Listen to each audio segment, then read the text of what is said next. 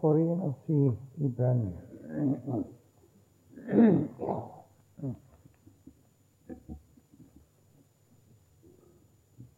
Vår himmelske Far,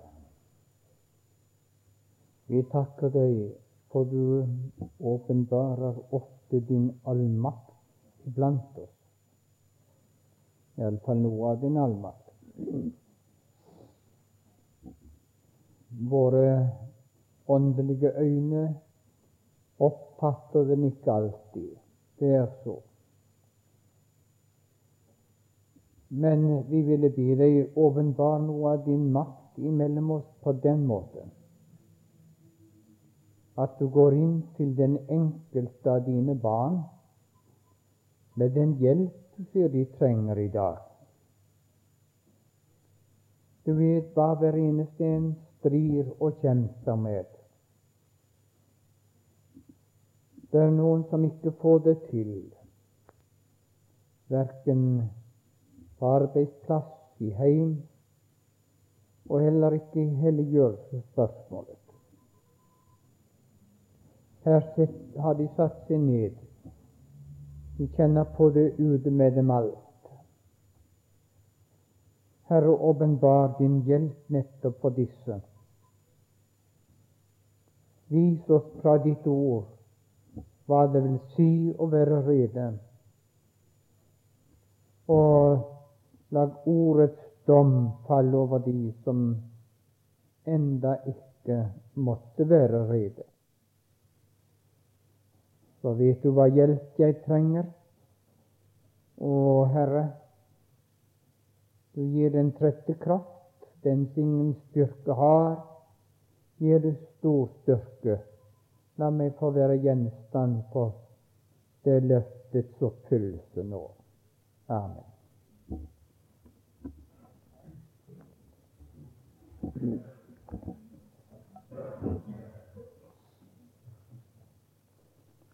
Vi skal lese det tiende vers fra Matteus 25, der vi har lignelsen om de ti brudejomfruer. Så står det slik Men mens de gikk bort for å kjøpe, altså kjøpe olje, kom brudgommen, og de som var rede, gikk inn med ham i bryllupet, og døren ble lukket.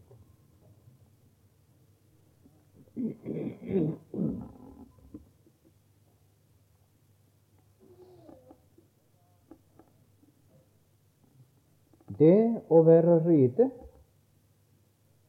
til Jesu komme,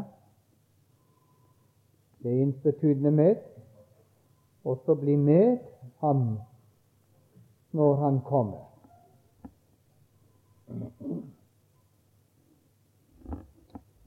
Men også det spørsmål råder flere feil oppfatninger om. Altså på spørsmålet hva det er å være rede.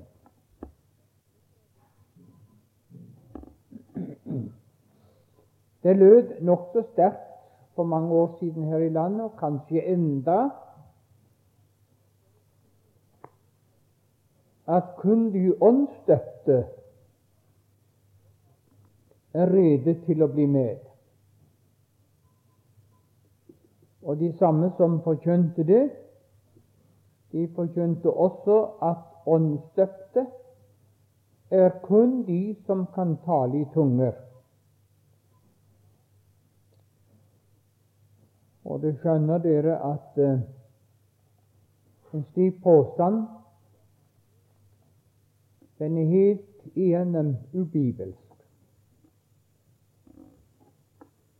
Det er bare et eneste grunn.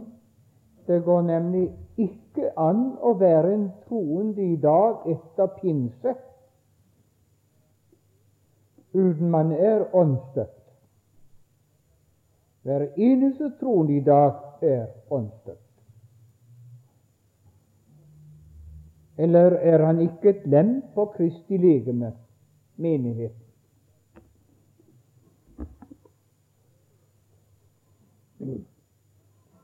Innen andre kretser forkynnes det at menigheten det er én ting, det er en stor sirkel. Og innen menigheten er det en liten sirkel som kalles brudeskaren.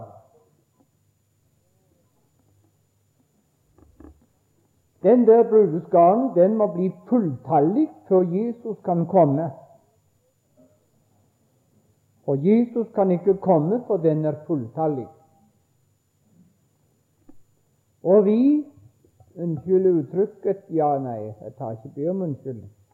Vi helliggjørelsesspesialister, vi skal påskynde å gjøre den brudeskaren fulltallig så skal Jesus komme. Alt det som kan sies om en slik påstand og en slik forkynnelse, det kan avfeies med uttrykket 'ekte tøv'.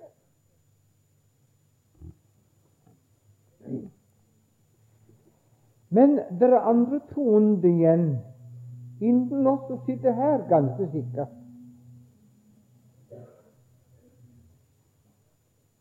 som mener at man må oppleve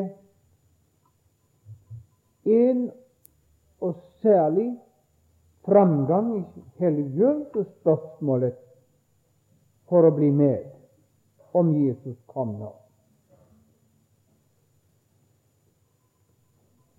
Hvis vi nå spiller spørsmålet Tror du at du ble med om Jesus kom nå i dag?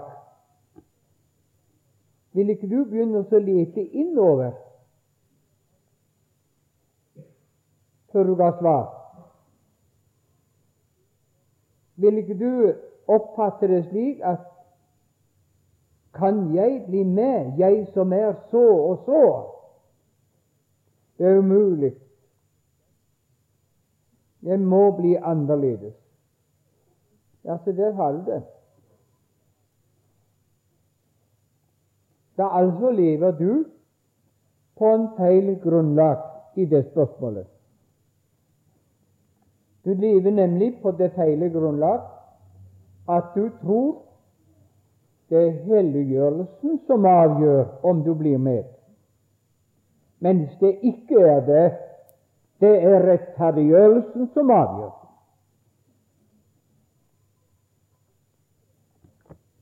Eh, som jeg sa en kveld, det er samme som gjør at jeg kan bygge på noe som, som holder i døden. Det er det samme. Det skal også holde når Jesus kommer igjen.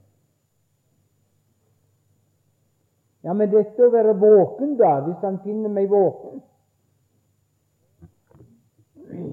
Ja, men eh, betrakt nå et øyeblikk om denne lignelsen om brudejomfruene.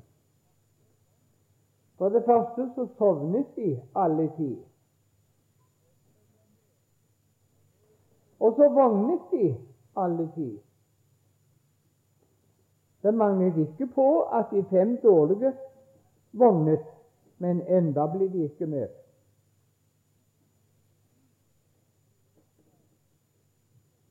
Hva var det som gjorde da at de fem kloke ble med, og de fem dårlige ble igjen?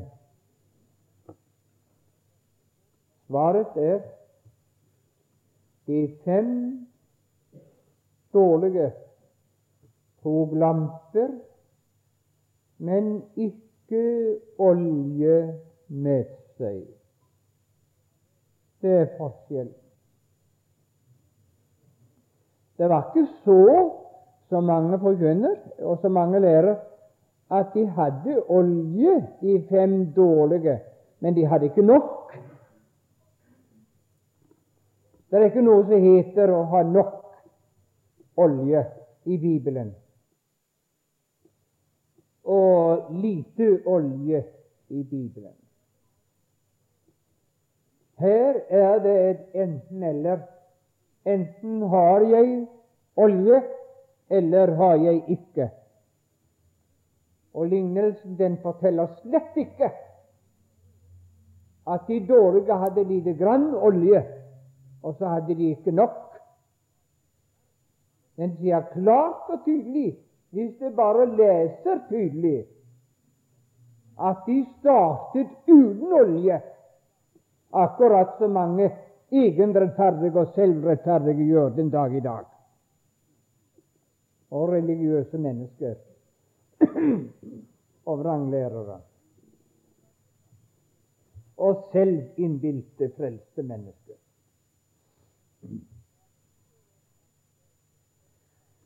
Nå er det vel ikke nødvendig å gi den opplysning at olje står i Bibelen som tegn og symbol på Den hellige ånd.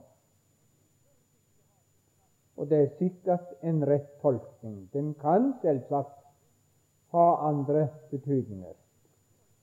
Men særlig her i lignelsen om brudejomfruene må den betyde. Iallfall er det klart at det avgjørende spørsmål hvem som blir med når Jesus kommer, det skal knyttes til dette spørsmål har jeg Den hellige ånd.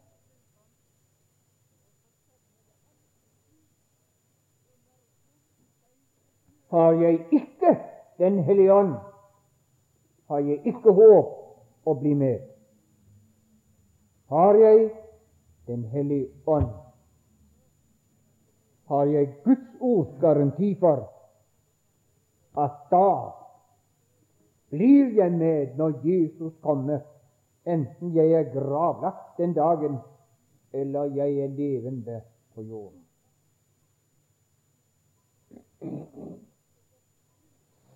Nå skal dere få noen Guds ord som stadfester denne påstand. 1. Korintiane 15, 23 sier Nå gjelder oppstandelsen, men hver i sin egen avdeling. Kristus er førstegrøden, altså førstegrøden av oppstandelsen. Deretter skal de Merk nå skal de som hører Kristus til, levendegjøres ved Hans komme. Og det vet dere nettopp hva vi har talt om disse kvelder. De døde i Kristus skal først oppstå. Det er de samme, de som hører Kristus til. De skal ved Hans komme levendegjøres, oppstandelsen. Og vi må vel regne at i den gruppen blir vi med om vi ikke opplever Hans komme. Spør vi så hvem i denne forsamlingen hører så Kristus til? Det svarer Romanbrevet 8, vers 9, klart og tydelig på. Romane 8, vers 9.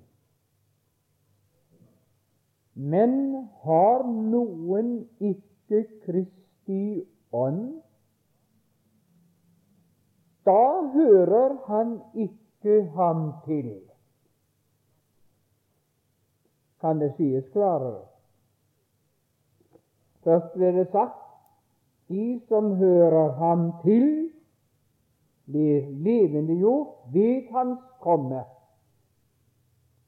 Her i Roman 8,9 de som har Den hellige ånd, er de som hører ham til.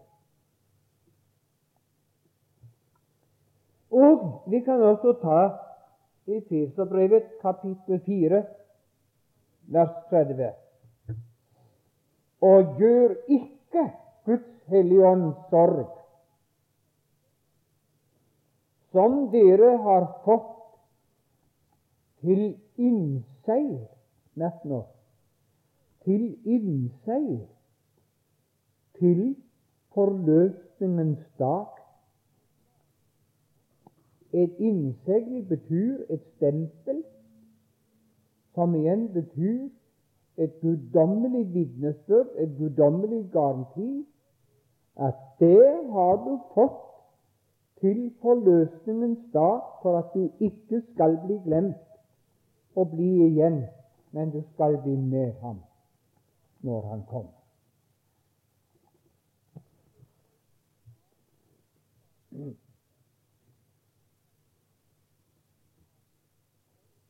Når vi nå nevner dette her om Den hellige ånd,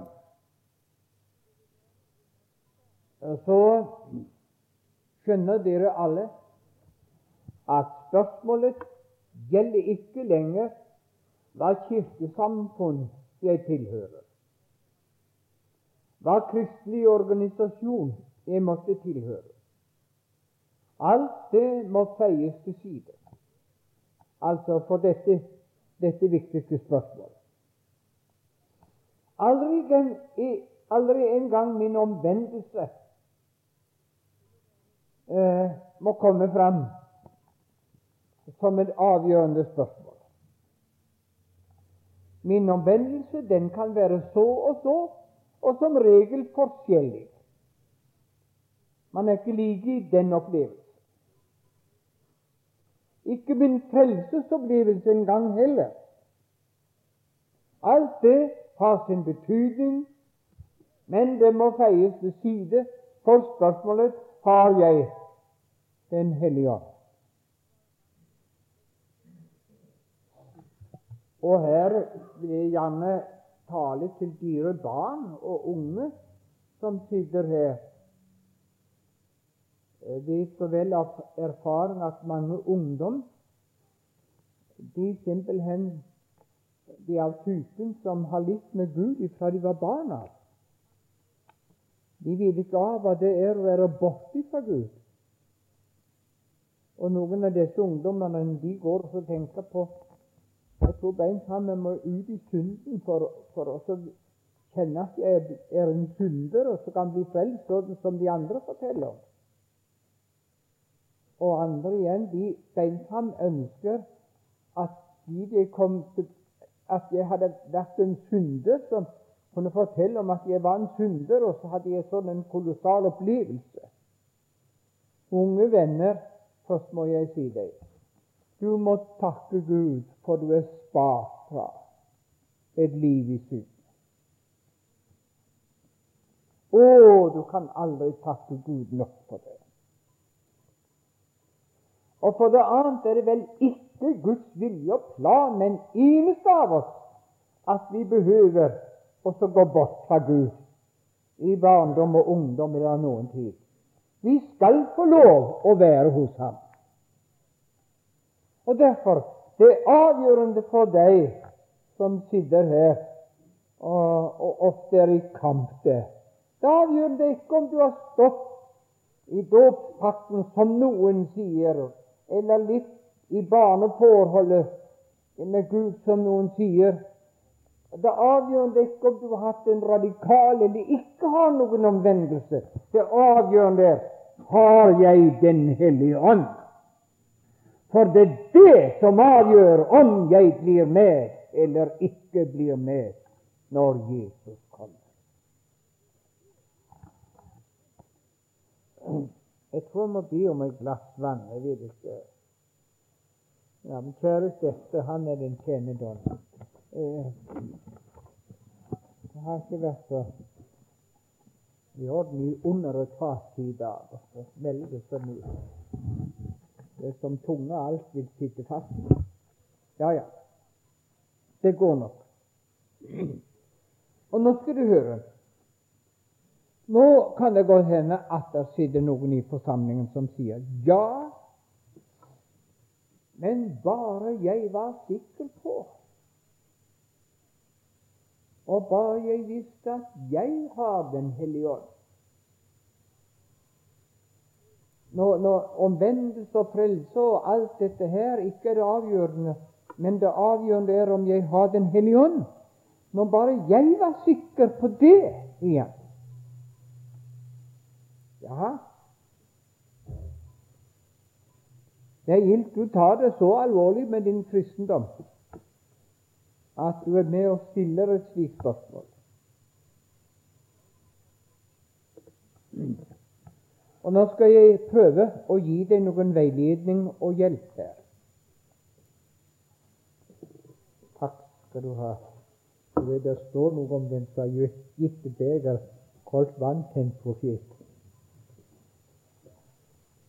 Takk.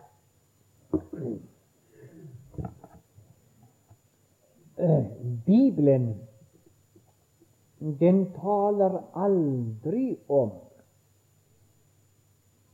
Merk hva jeg sier.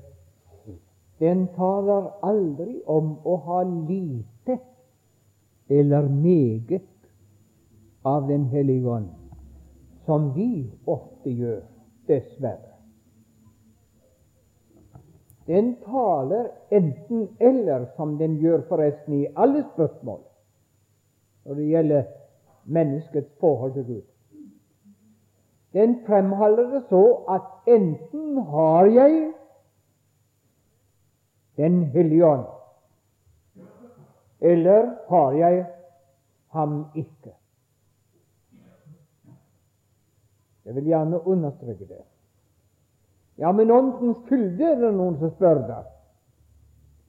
Er det ikke noe om som taler om å bli fylt av ånden mer og mindre fylt? Ganske riktig.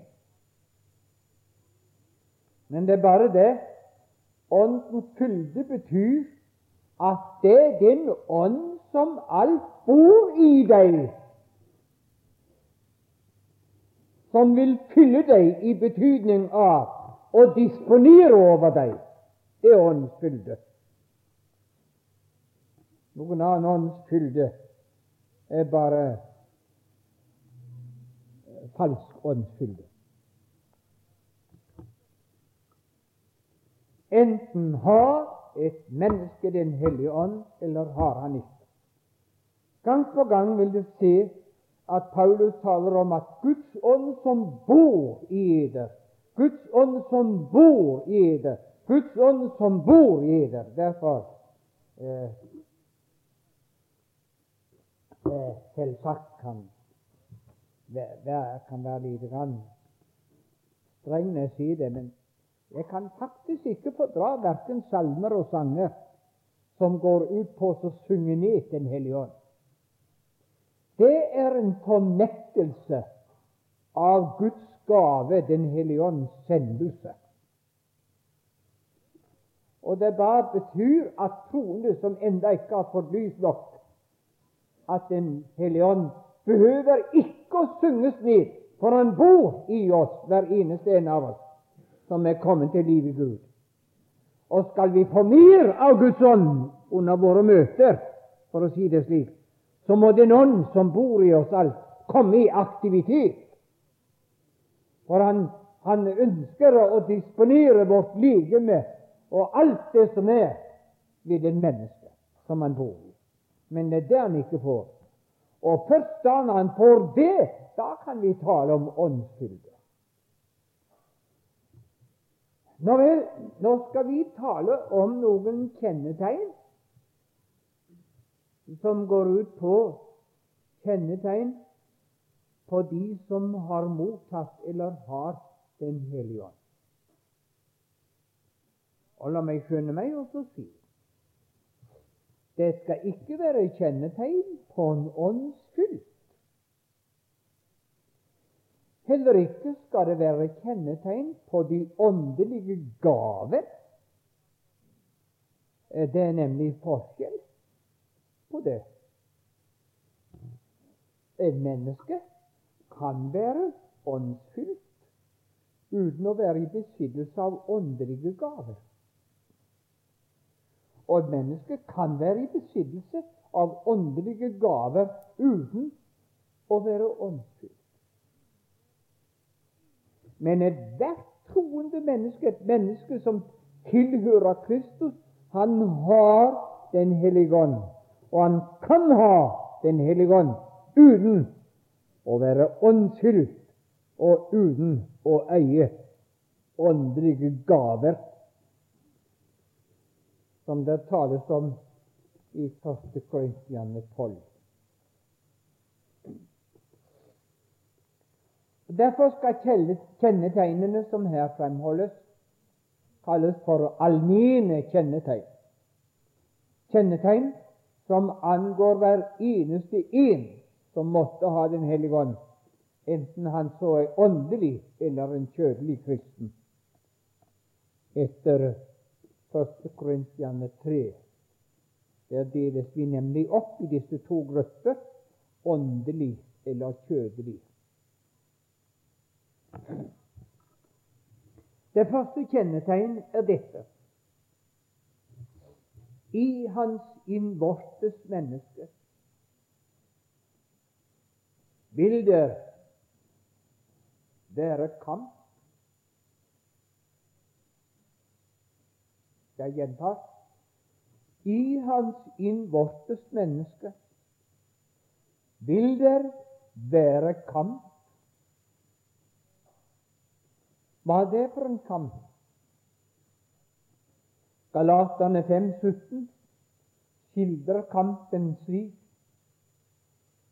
Ånden begjærer imot kjødet,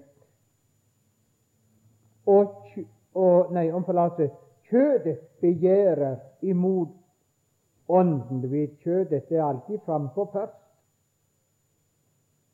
Og Derfor passer det at det sies først. Kjødet begjærer imot ånden, og ånden imot kjødet. De står hverandre imot, så dere ikke skal gjøre det dere vil. Hva er det for et språk? Kjødet, det er et uttrykk for det gamle mennesket. Det er et uttrykk for alt det jeg er i mitt indre som en avstamning ifra den første falne stamfar Adam. Det som vi også pleier å kalle vi fra kalle fra, fra eh, folkeskolen og lærte der, og kalte det for arvesynden. Alt det vi har arvet med oss fra syndefallet. Og det kaller vi også i dag for det gamle mennesket etter Skriftens ord. Og vi pleier å kalle det den gamle Adam. Vi glemmer bare å kalle det også gamle Eva, for hun er til stede, hun òg. Ja. Når så et menneske mottar Den hellige ånd, så betyr det aldri tilintetgjørelse og aldri utryddelse av kjødet, det gamle mennesket. Men ifra da av våkner det gamle mennesket. Ifra da av våkner kjødet, om det har vært aldri så religiøst og fint før. Da begynner det å stå imot Den hellige ånd og ikke vil det Den hellige ånd vil, og dermed så oppstår dualismen, eller eh, kampforholdet mellom disse to indre åndsmakter om du vil kalle det slik, i et menneske. Og for mangens vedkommende kan det være en, en hard kamp i det unge kristenliv. Og selv kjempet jeg her så hardt at det skal ikke ta tid å så gjengi det. Men vi har noe her i landet som kalles HKF, Hans Reisende Kristelige Forening. Eh, sist det var på, på, på Framnes ungdomsskole, så var det besøk av to eh, finner, og annet en riktig lykkelig frigjort halleluja-type, som vi kaller, kaller det. Og denne finnen han fortalte, fortalte om sin omvendelse. Han opplevde en radikal, frigjørende, lykkelig frelsesopplevelse mens han gikk på gaten i Helsinki. Og det var slik, sa han, at det føltes som at jorden bar meg ikke. Og ikke bare det, men jeg faktisk følte meg syndefri. Så det er noen som får lov å, å, å, oppleve det på den måten. Og sa han jeg elsket å lese Hallesby. Og så kom jeg over en setning av Hallesby i en av hans bøker. Men selv om du har opplevd en lykkelig frelse og frelsesopplevelse og blitt frigjort og glad, så skal du snart få kjenne at den gamle Adam lever i deg. Da tok jeg blyanten hans Han talte svenska, denne her kvinnen. Da tok jeg blyanten og skrev ved siden av Der tar ni fel, doktor Hallesby. Ja, der tar ni fe. Han mente han var så helliggjort og sunnefri at det var ikke tale om at han skulle få kjenne den gamle Adam mer. Men så sa han, men vet dere hva? Før det var gått 14 dager, så måtte jeg ta visken og så visket ut hva jeg hadde skrevet om Hallesby. Hvorfor? Da hadde jeg opplevd at gamle Adam enda ikke var død. Ja, dere, sådan er det i kristenlivet. Og mange, mange unge troende, når den kampen melder seg, så begynner de å tro du har aldri vært frelst. Det er galt med deg. Og du må omvende deg på nytt igjen, og du må komme på nytt igjen, for du skjønner det er et ærlig som du er kommet, omvendelsen din. Og så holder du på. Der holdt jeg på i mange år, i to-tre år, og alle gangene jeg omvendte meg, og alle gangene jeg kom på nytt. Særlig hver kveld, du, du skal liksom ha oppgjør med Vår Herre. Og så var det å ta seg sammen og passe på gamle Adam neste dag, og før middag så gikk det som regel galt. Og jeg kjenner troende eller ungdom som kampen var så hård at de sa med seg selv 'Jeg kan ikke være en husle. Jeg kan ikke ha det på den måten. Jeg kan like så godt gå tilbake til verden. Jeg har, det aldri vært rett med meg.'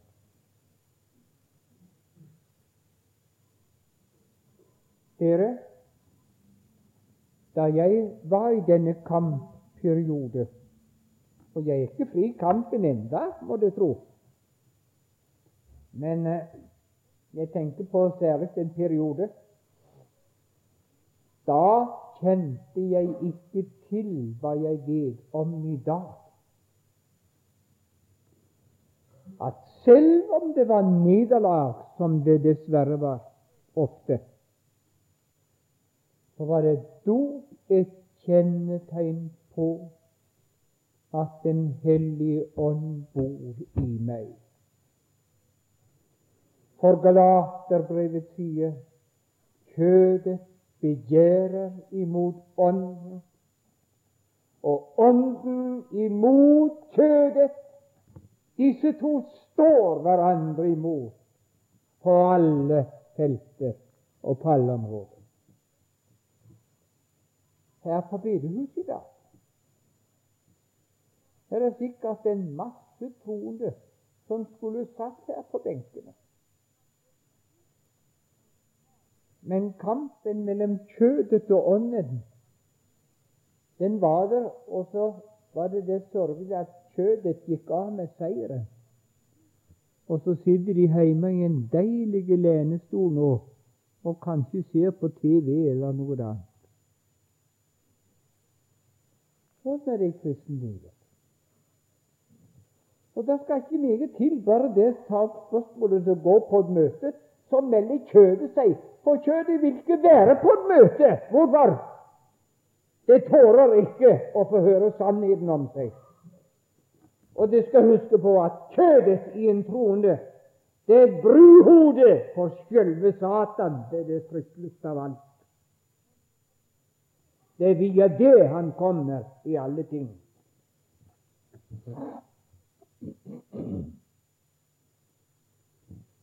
Et kjennetegn til, det skal vi ta fra Galaterbrevet 5 Nei, om forlatelse. Eh, fra Romabrevet 5.5. Å ja, vi kan også ta Galaterbrevet 5.22. Der står i Galaterne 5.22 Åndens frukt er kjærlighet. Resultatet av at Den hellige ånd har tatt bolig i meg, det betyr kjærlighet. Og Romerbrevet 5, 5 eh, sier Guds kjærlighet er utøst i våre hjerter ved Den hellige ånd som bor i oss. Dette er at Guds kjærlighet er utøst i våre hjerter. Det er den i to betydninger. For det første er selve Guds kjærlighet utøst i oss slik at vi får kjenne og oppleve at vi er elsket av Gud. Og Det er noe av det største et menneske kan få oppleve. Dernest er Guds kjærlighet utøst i våre hjerter, så vi kan elske tilbake igjen. Først og fremst elske Gud. Du vet, det første bud i loven det sier du skal elske Gud av hele ditt hjerte. Ja, hvordan er det stående og gjette for meg? Men det begynner iallfall med at du skal elske Gud. Det er loven. Det finnes det ikke et menneske som kan gjøre før han har fått Den hellige ånd. Før han har fått Den hellige ånd, så kan han bare én ting han kan hate Gud. Å hate kan være kledt i religiøse former. Det har ingenting å si. Men han kan ikke elske Gud så lenge han ikke har fått Den hellige ånd. Men evangeliet, det betyr at Jesus kommer og gir et menneske guddommelig kjærlighet. Slik at nå kan han begynne å elske Gud, han som ikke kunne det før, og være glad i Gud. og glad i Gud. Og det betyr igjen at denne kjærlighet, den skal finne utslag i tre retninger. Selvsagt i flere, men nå skal jeg bare nevne tre, og det skal kjenne dere igjen. Først og fremst kjærlighet til de troende.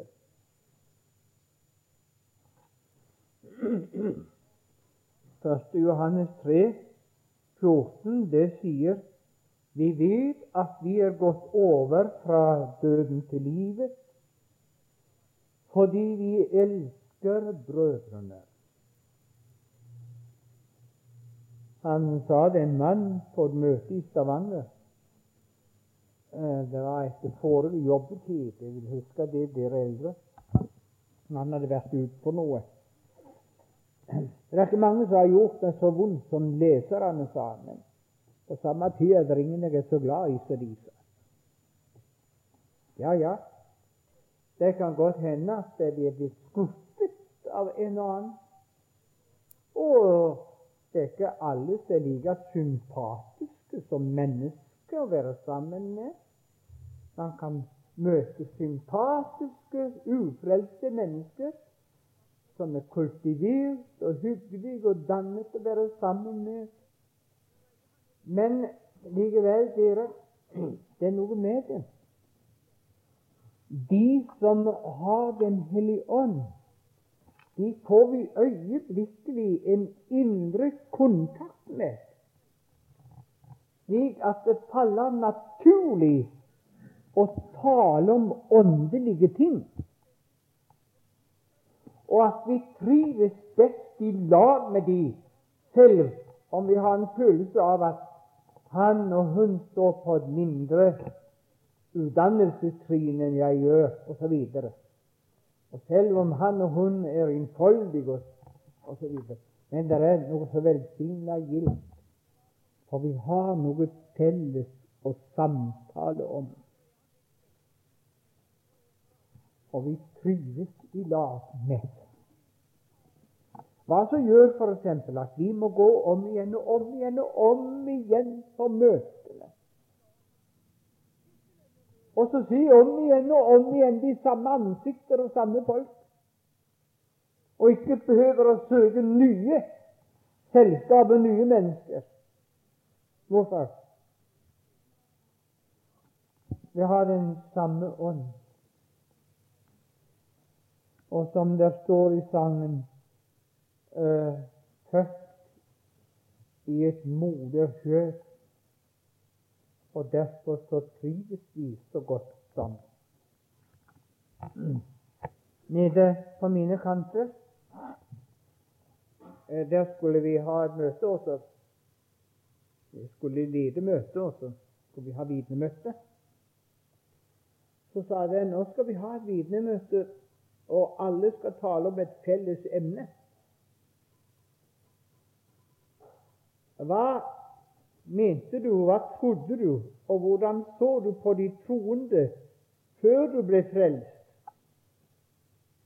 Og hvordan ser du på de nå etter du har blitt frelst? Men det kan du tro det var et av de interessanteste vitnemøtene jeg har vært med på. Så kom det opp en gårdbruker der. Ja, sa han, jeg for min del jeg kunne aldri fordra når de sto opp på bedehuset og så, og så ba til Gud offentlig. Og han Torleif, sa han, det var forresten formannen for bedehuset der, han nesten vekk. Jeg så han. For du skjønner det at eh, når vi kom utenfor bedehuset, så begynte jeg å holde bibeltime for de andre. Og det gikk ut på at man skulle gå i lønnkammer og så be til Gud. Man skulle ikke stå og be offentlig, for aldri å snakke om eh, bønnemøte. Så jeg så simpelthen i han Torleif og de troende de største hyklerne. Du skjønner, sa han, jeg, gikk aldri i noe lønnkammer sjøl noen gang. Og langt ifra, sa han. Men nå er jeg blitt frelst, sa han. Torleif den gildeste i flokken og alle disse leserne på bedehuset. Ser du? Det betyr når man får Den hellige ånd, så smelter man sammen med de andre troende. Ja, og så bedehusfolket, og det vil jeg få lov å si. Jeg skal ikke dømme at du ikke har liv i Gud. Det har ikke jeg noe med. Men det vil jeg si at hvis du ikke kan trives blant bedehusfolket, så er det mye mye test med kristendommen din. Kan du ha hva navn din har vi?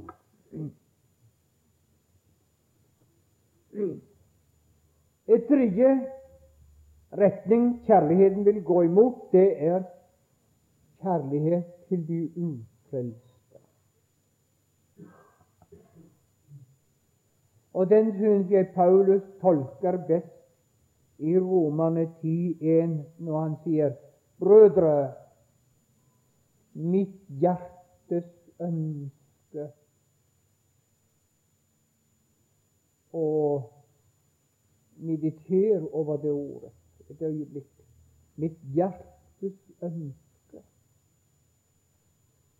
og min bønn til Gud for dere er at dere må bli frelste.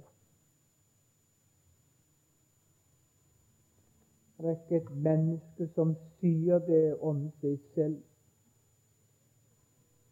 Mitt hjertes ønske og min bønn til Gud for dere er at det må bli frelst.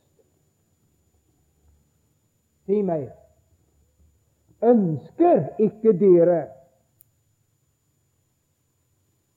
som sitter her, at folk i Spjelkavik, datter, sønn, bror, søster, foreldre, arbeidskamerater eller venninner eller hva det er, ønsker de ikke at de må bli frelste.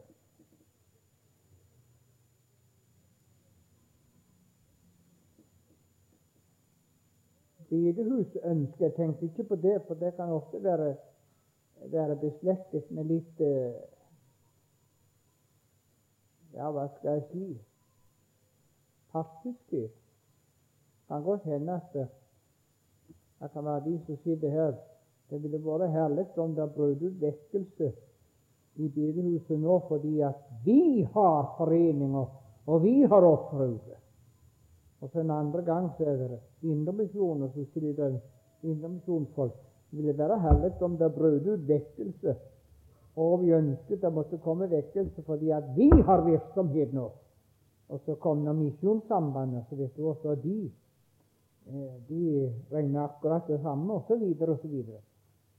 Det er ikke sånn ønsker vår Herre bryr seg om. Det er kjødets ønske. Det har ingenting med Den hellige ånd Selvsagt ønsker vi vekkelse på bedehuset, forstår dere. Men vi har ikke lov å kommandere at vekkelsen skal komme gjennom den organisasjon som jeg representerer, framfor noen annen. Det har vi ingenting med. Gud må få lov å bestemme det. For det kunne godt hende at Vår Herre fant for godt og så bruke en av disse frie predikanter som snart ikke tåles i landet. Han er ikke så nøye på det, han, skjønner du, om lederen er nøye på det. Men dere, de som sitter her og så ønsker mitt hjertes ønske, og som ofte må forme seg i bønn, at de må bli frelste. Det er kjennetegn på Den hellige ånd. Ja, vi kunne føre tanken videre. Også de som kan glede seg over at folk blir frelst. Ja, jeg kan ikke skryte og skal ikke skryte av min åndelighet. Men jeg tror jeg kan si at såpass er jeg at når jeg hører det blir folk frelst på andre møter enn mine, så blir jeg like så glad som det hender på et av mine møter. For det er snart et under nå å få høre og se at folk blir frelst. For alle å snakke om gleden og lykken om noen av ens egne kommer med. Jeg møtte en mann her i Ålesund en, en dag, og, og uh, han, han, glemte visst å håndhilse på meg alle tider. Du, Line, må fortelle jeg er så glad jeg vet ikke om jeg går på gaten i Ålesund eller ikke. Det er akkurat så, så føttene vil løfte meg opp. Hva er det nå for noe? Sønnen min er blitt frelst. Det er det herligste jeg har opplevd i mitt liv. Det er ikke undret på. Det er ikke undret på.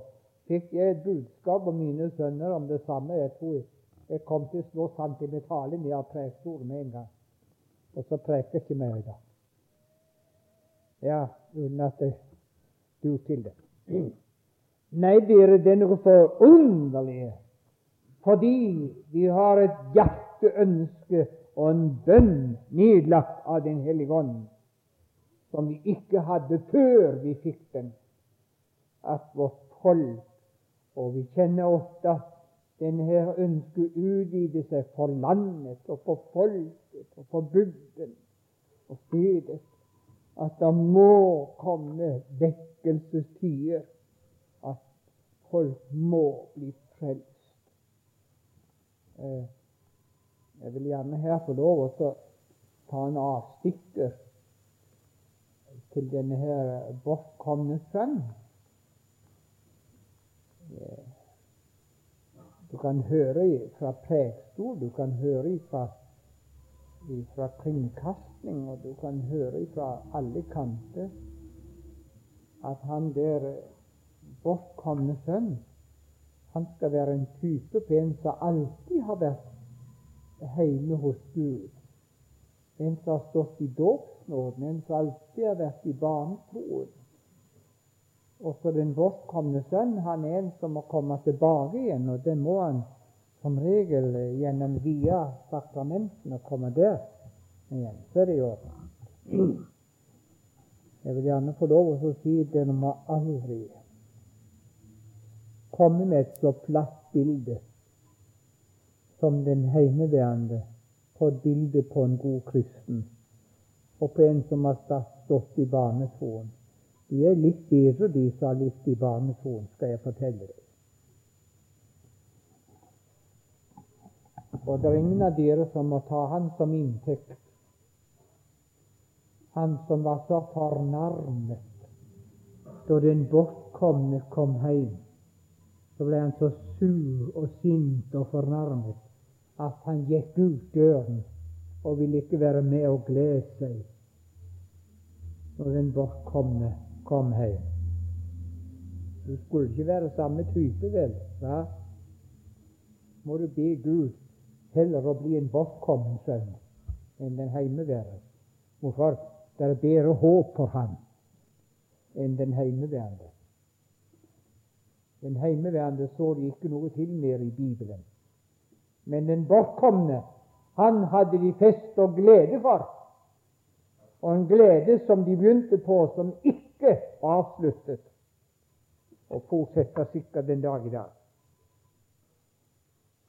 Den tredje retning som kjærligheten vil gå imot, og den skulle kanskje vært nevnt oftere, og litt er den alt nevnt, det er kjærlighet til Kristus.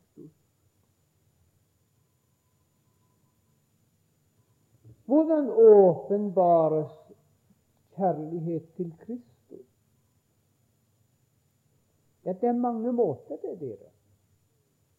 Men også det er Den hellige ånds gave. Vi kunne begynne med synderinnen i Lukka 7.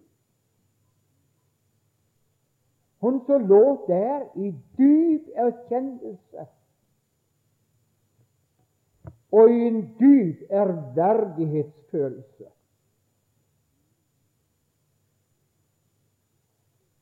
Kjærlighet til Kristus, det er å bli bevart i en dyp ærverdighetsfølelse.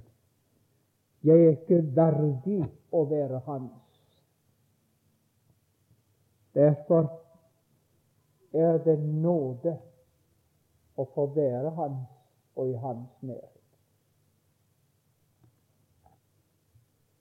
Men kjærlighet til Kristus det består i troskap.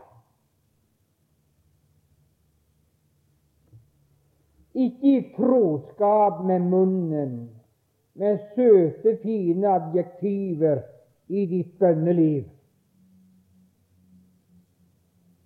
men med troskap imot de hellige, og med troskap i arbeidet i Guds rikes arbeid. Tal ikke om kjærlighet i menneskelivet mellom mann og kone uten troskap.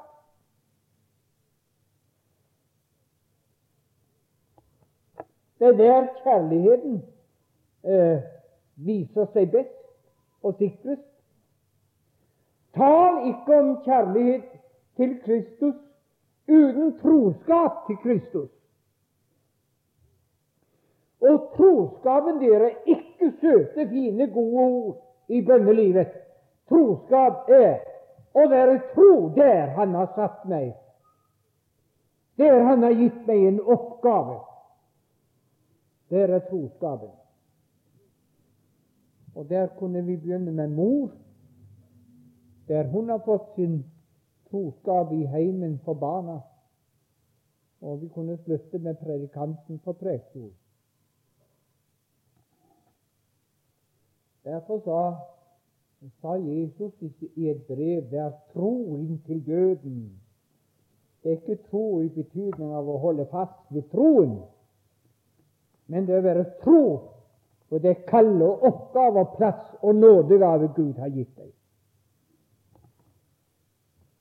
Troskap er kjærlighet. Kjærlighet er troskap. Og det er det Han venter av oss så sant vi mener at vi elsker den Herre Jesus. Jeg kunne ha lyst til å gjenta Hebreane 6,10. Jeg ga det her en kveld før. Gud er ikke urettferdig, han skal glemme den tjeneste dere har gjort og ennå gjør for de hellige. Se det? Altså, den tjeneste han ikke glemmer, det er den tjeneste dere gjør mot de hellige. Det regnes til troskap mot Kristus, og det skal ikke glemmes. Og jeg må litt gjenta fra eh, Matteus 24, eller vel 25 om de som kom fram på lønningsdagen, og så hadde besøkt både i fengsel, og så hadde de besøkt syke, og så hadde de klept noen, og så hadde de gitt noen mat.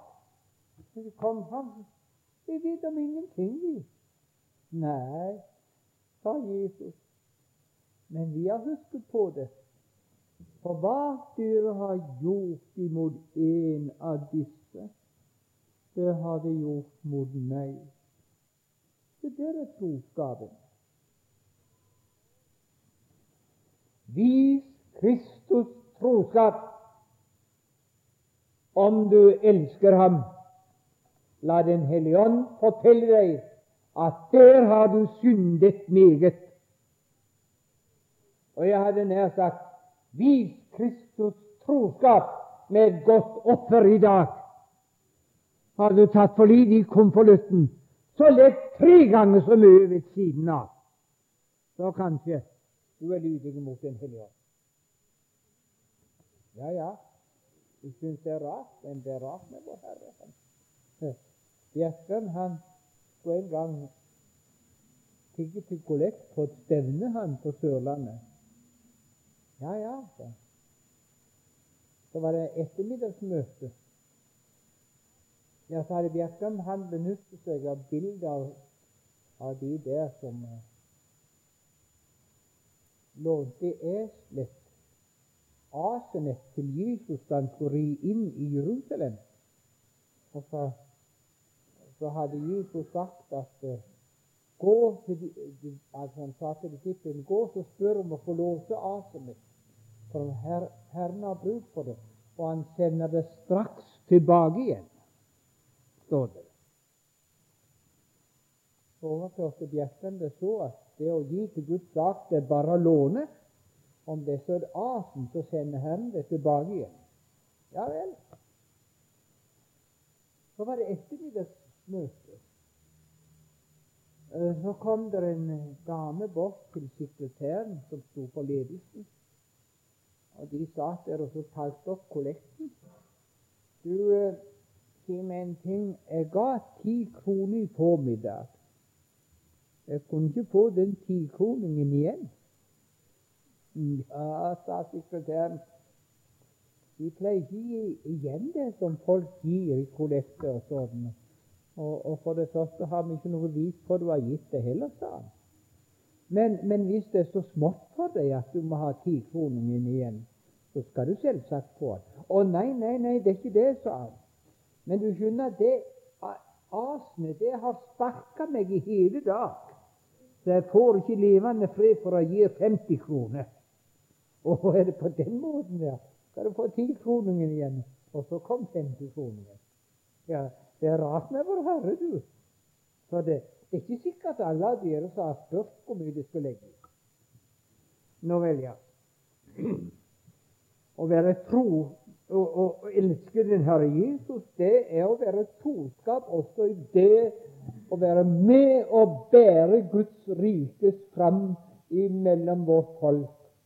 Og det er nå en gang så, vi kan ikke komme ifra det, det var så på Paulus dager, på Bibelens dager, at Guds rike måtte også bæres fram økonomisk. Ja, og var det lite en klaus plass, så samlet Paulus inn en annen plass, og så hjalp det så det var smått. Og det skulle vært enda en dag der. En måte til som kjærligheten kjenner seg på, det er lengsel. Hva er lengsel? Ikke først og fram lengsel til himmelen. Men Paulus taler om en lengsel i Filippenserbrevet 3, vers 10, som består i dette at jeg må kjenne ham. Det er så ufattelig at Paulus behøvde å ha det som en ønskeliste. Det står mellom en ønskeliste. Paulus, som hadde tre, nei, fire store åpenbarelser ved siden av de mange andre, og var rødt inn i den trygge himmelen som vi talte om i går kveld, og talte ansikt til ansikt med Guds sønn, behøver du å kjenne Kristus mye? Jeg har fått en ånd jeg, jeg har fått en ånd som skiftet om hele Paulus. Det er ikke lenger Paulus på Damaskusveien med hat og fnuse av trussel og murr og få tak i lesere. Men nå har jeg fått en ånd som aldri får kjenne Jesus nok. Mer jeg får høre om han, Enda mer vil jeg høre. Mer jeg hører Silas, Silas synger om han, mer ber jeg Silas å synge enda mer. Jeg hørte meget om han ved Gamalias føtter, men det var vranglør alt sammen. Det var en kommende Messias. Nå har jeg fått hørt om lammet, soningslammet, og nå har jeg fått hørt om han som har kjøpt seg en menighet med sitt blod. Men jeg får aldri høre nok om han. At jeg må kjenne ham. Den lengsel og den trang er det som skal fylle oss også når vi kommer til våre møter. Og ikke sant, troende? Det er ingenting så gildt og ingenting så godt som når Jesus blir stor for deg under prekestolen. Hvorfor? Fordi kjærligheten aldri blitt trett av å høre om Jesus. Og en kjennetegn til på denne kjærligheten er Skulle han bli vekk fra sjelens indre erfaring Skulle du ikke merke hans fottrinn, begynner sjelen å gråte i smerte. Det var så med Maria ved graven. To ganger sa, sto hun og gråt der og sa de har tatt min Herre bort. Hun var kommet til graven for å møte og se og treffe fra den døde frelser. Og når vi ikke fant den døde frelser i graven, sto hun i gjødstegården og gråt. Det er datteren, sa henne. Sjelens gråt når Jesus er borte. Sjelens gråt når Jesus er vekk.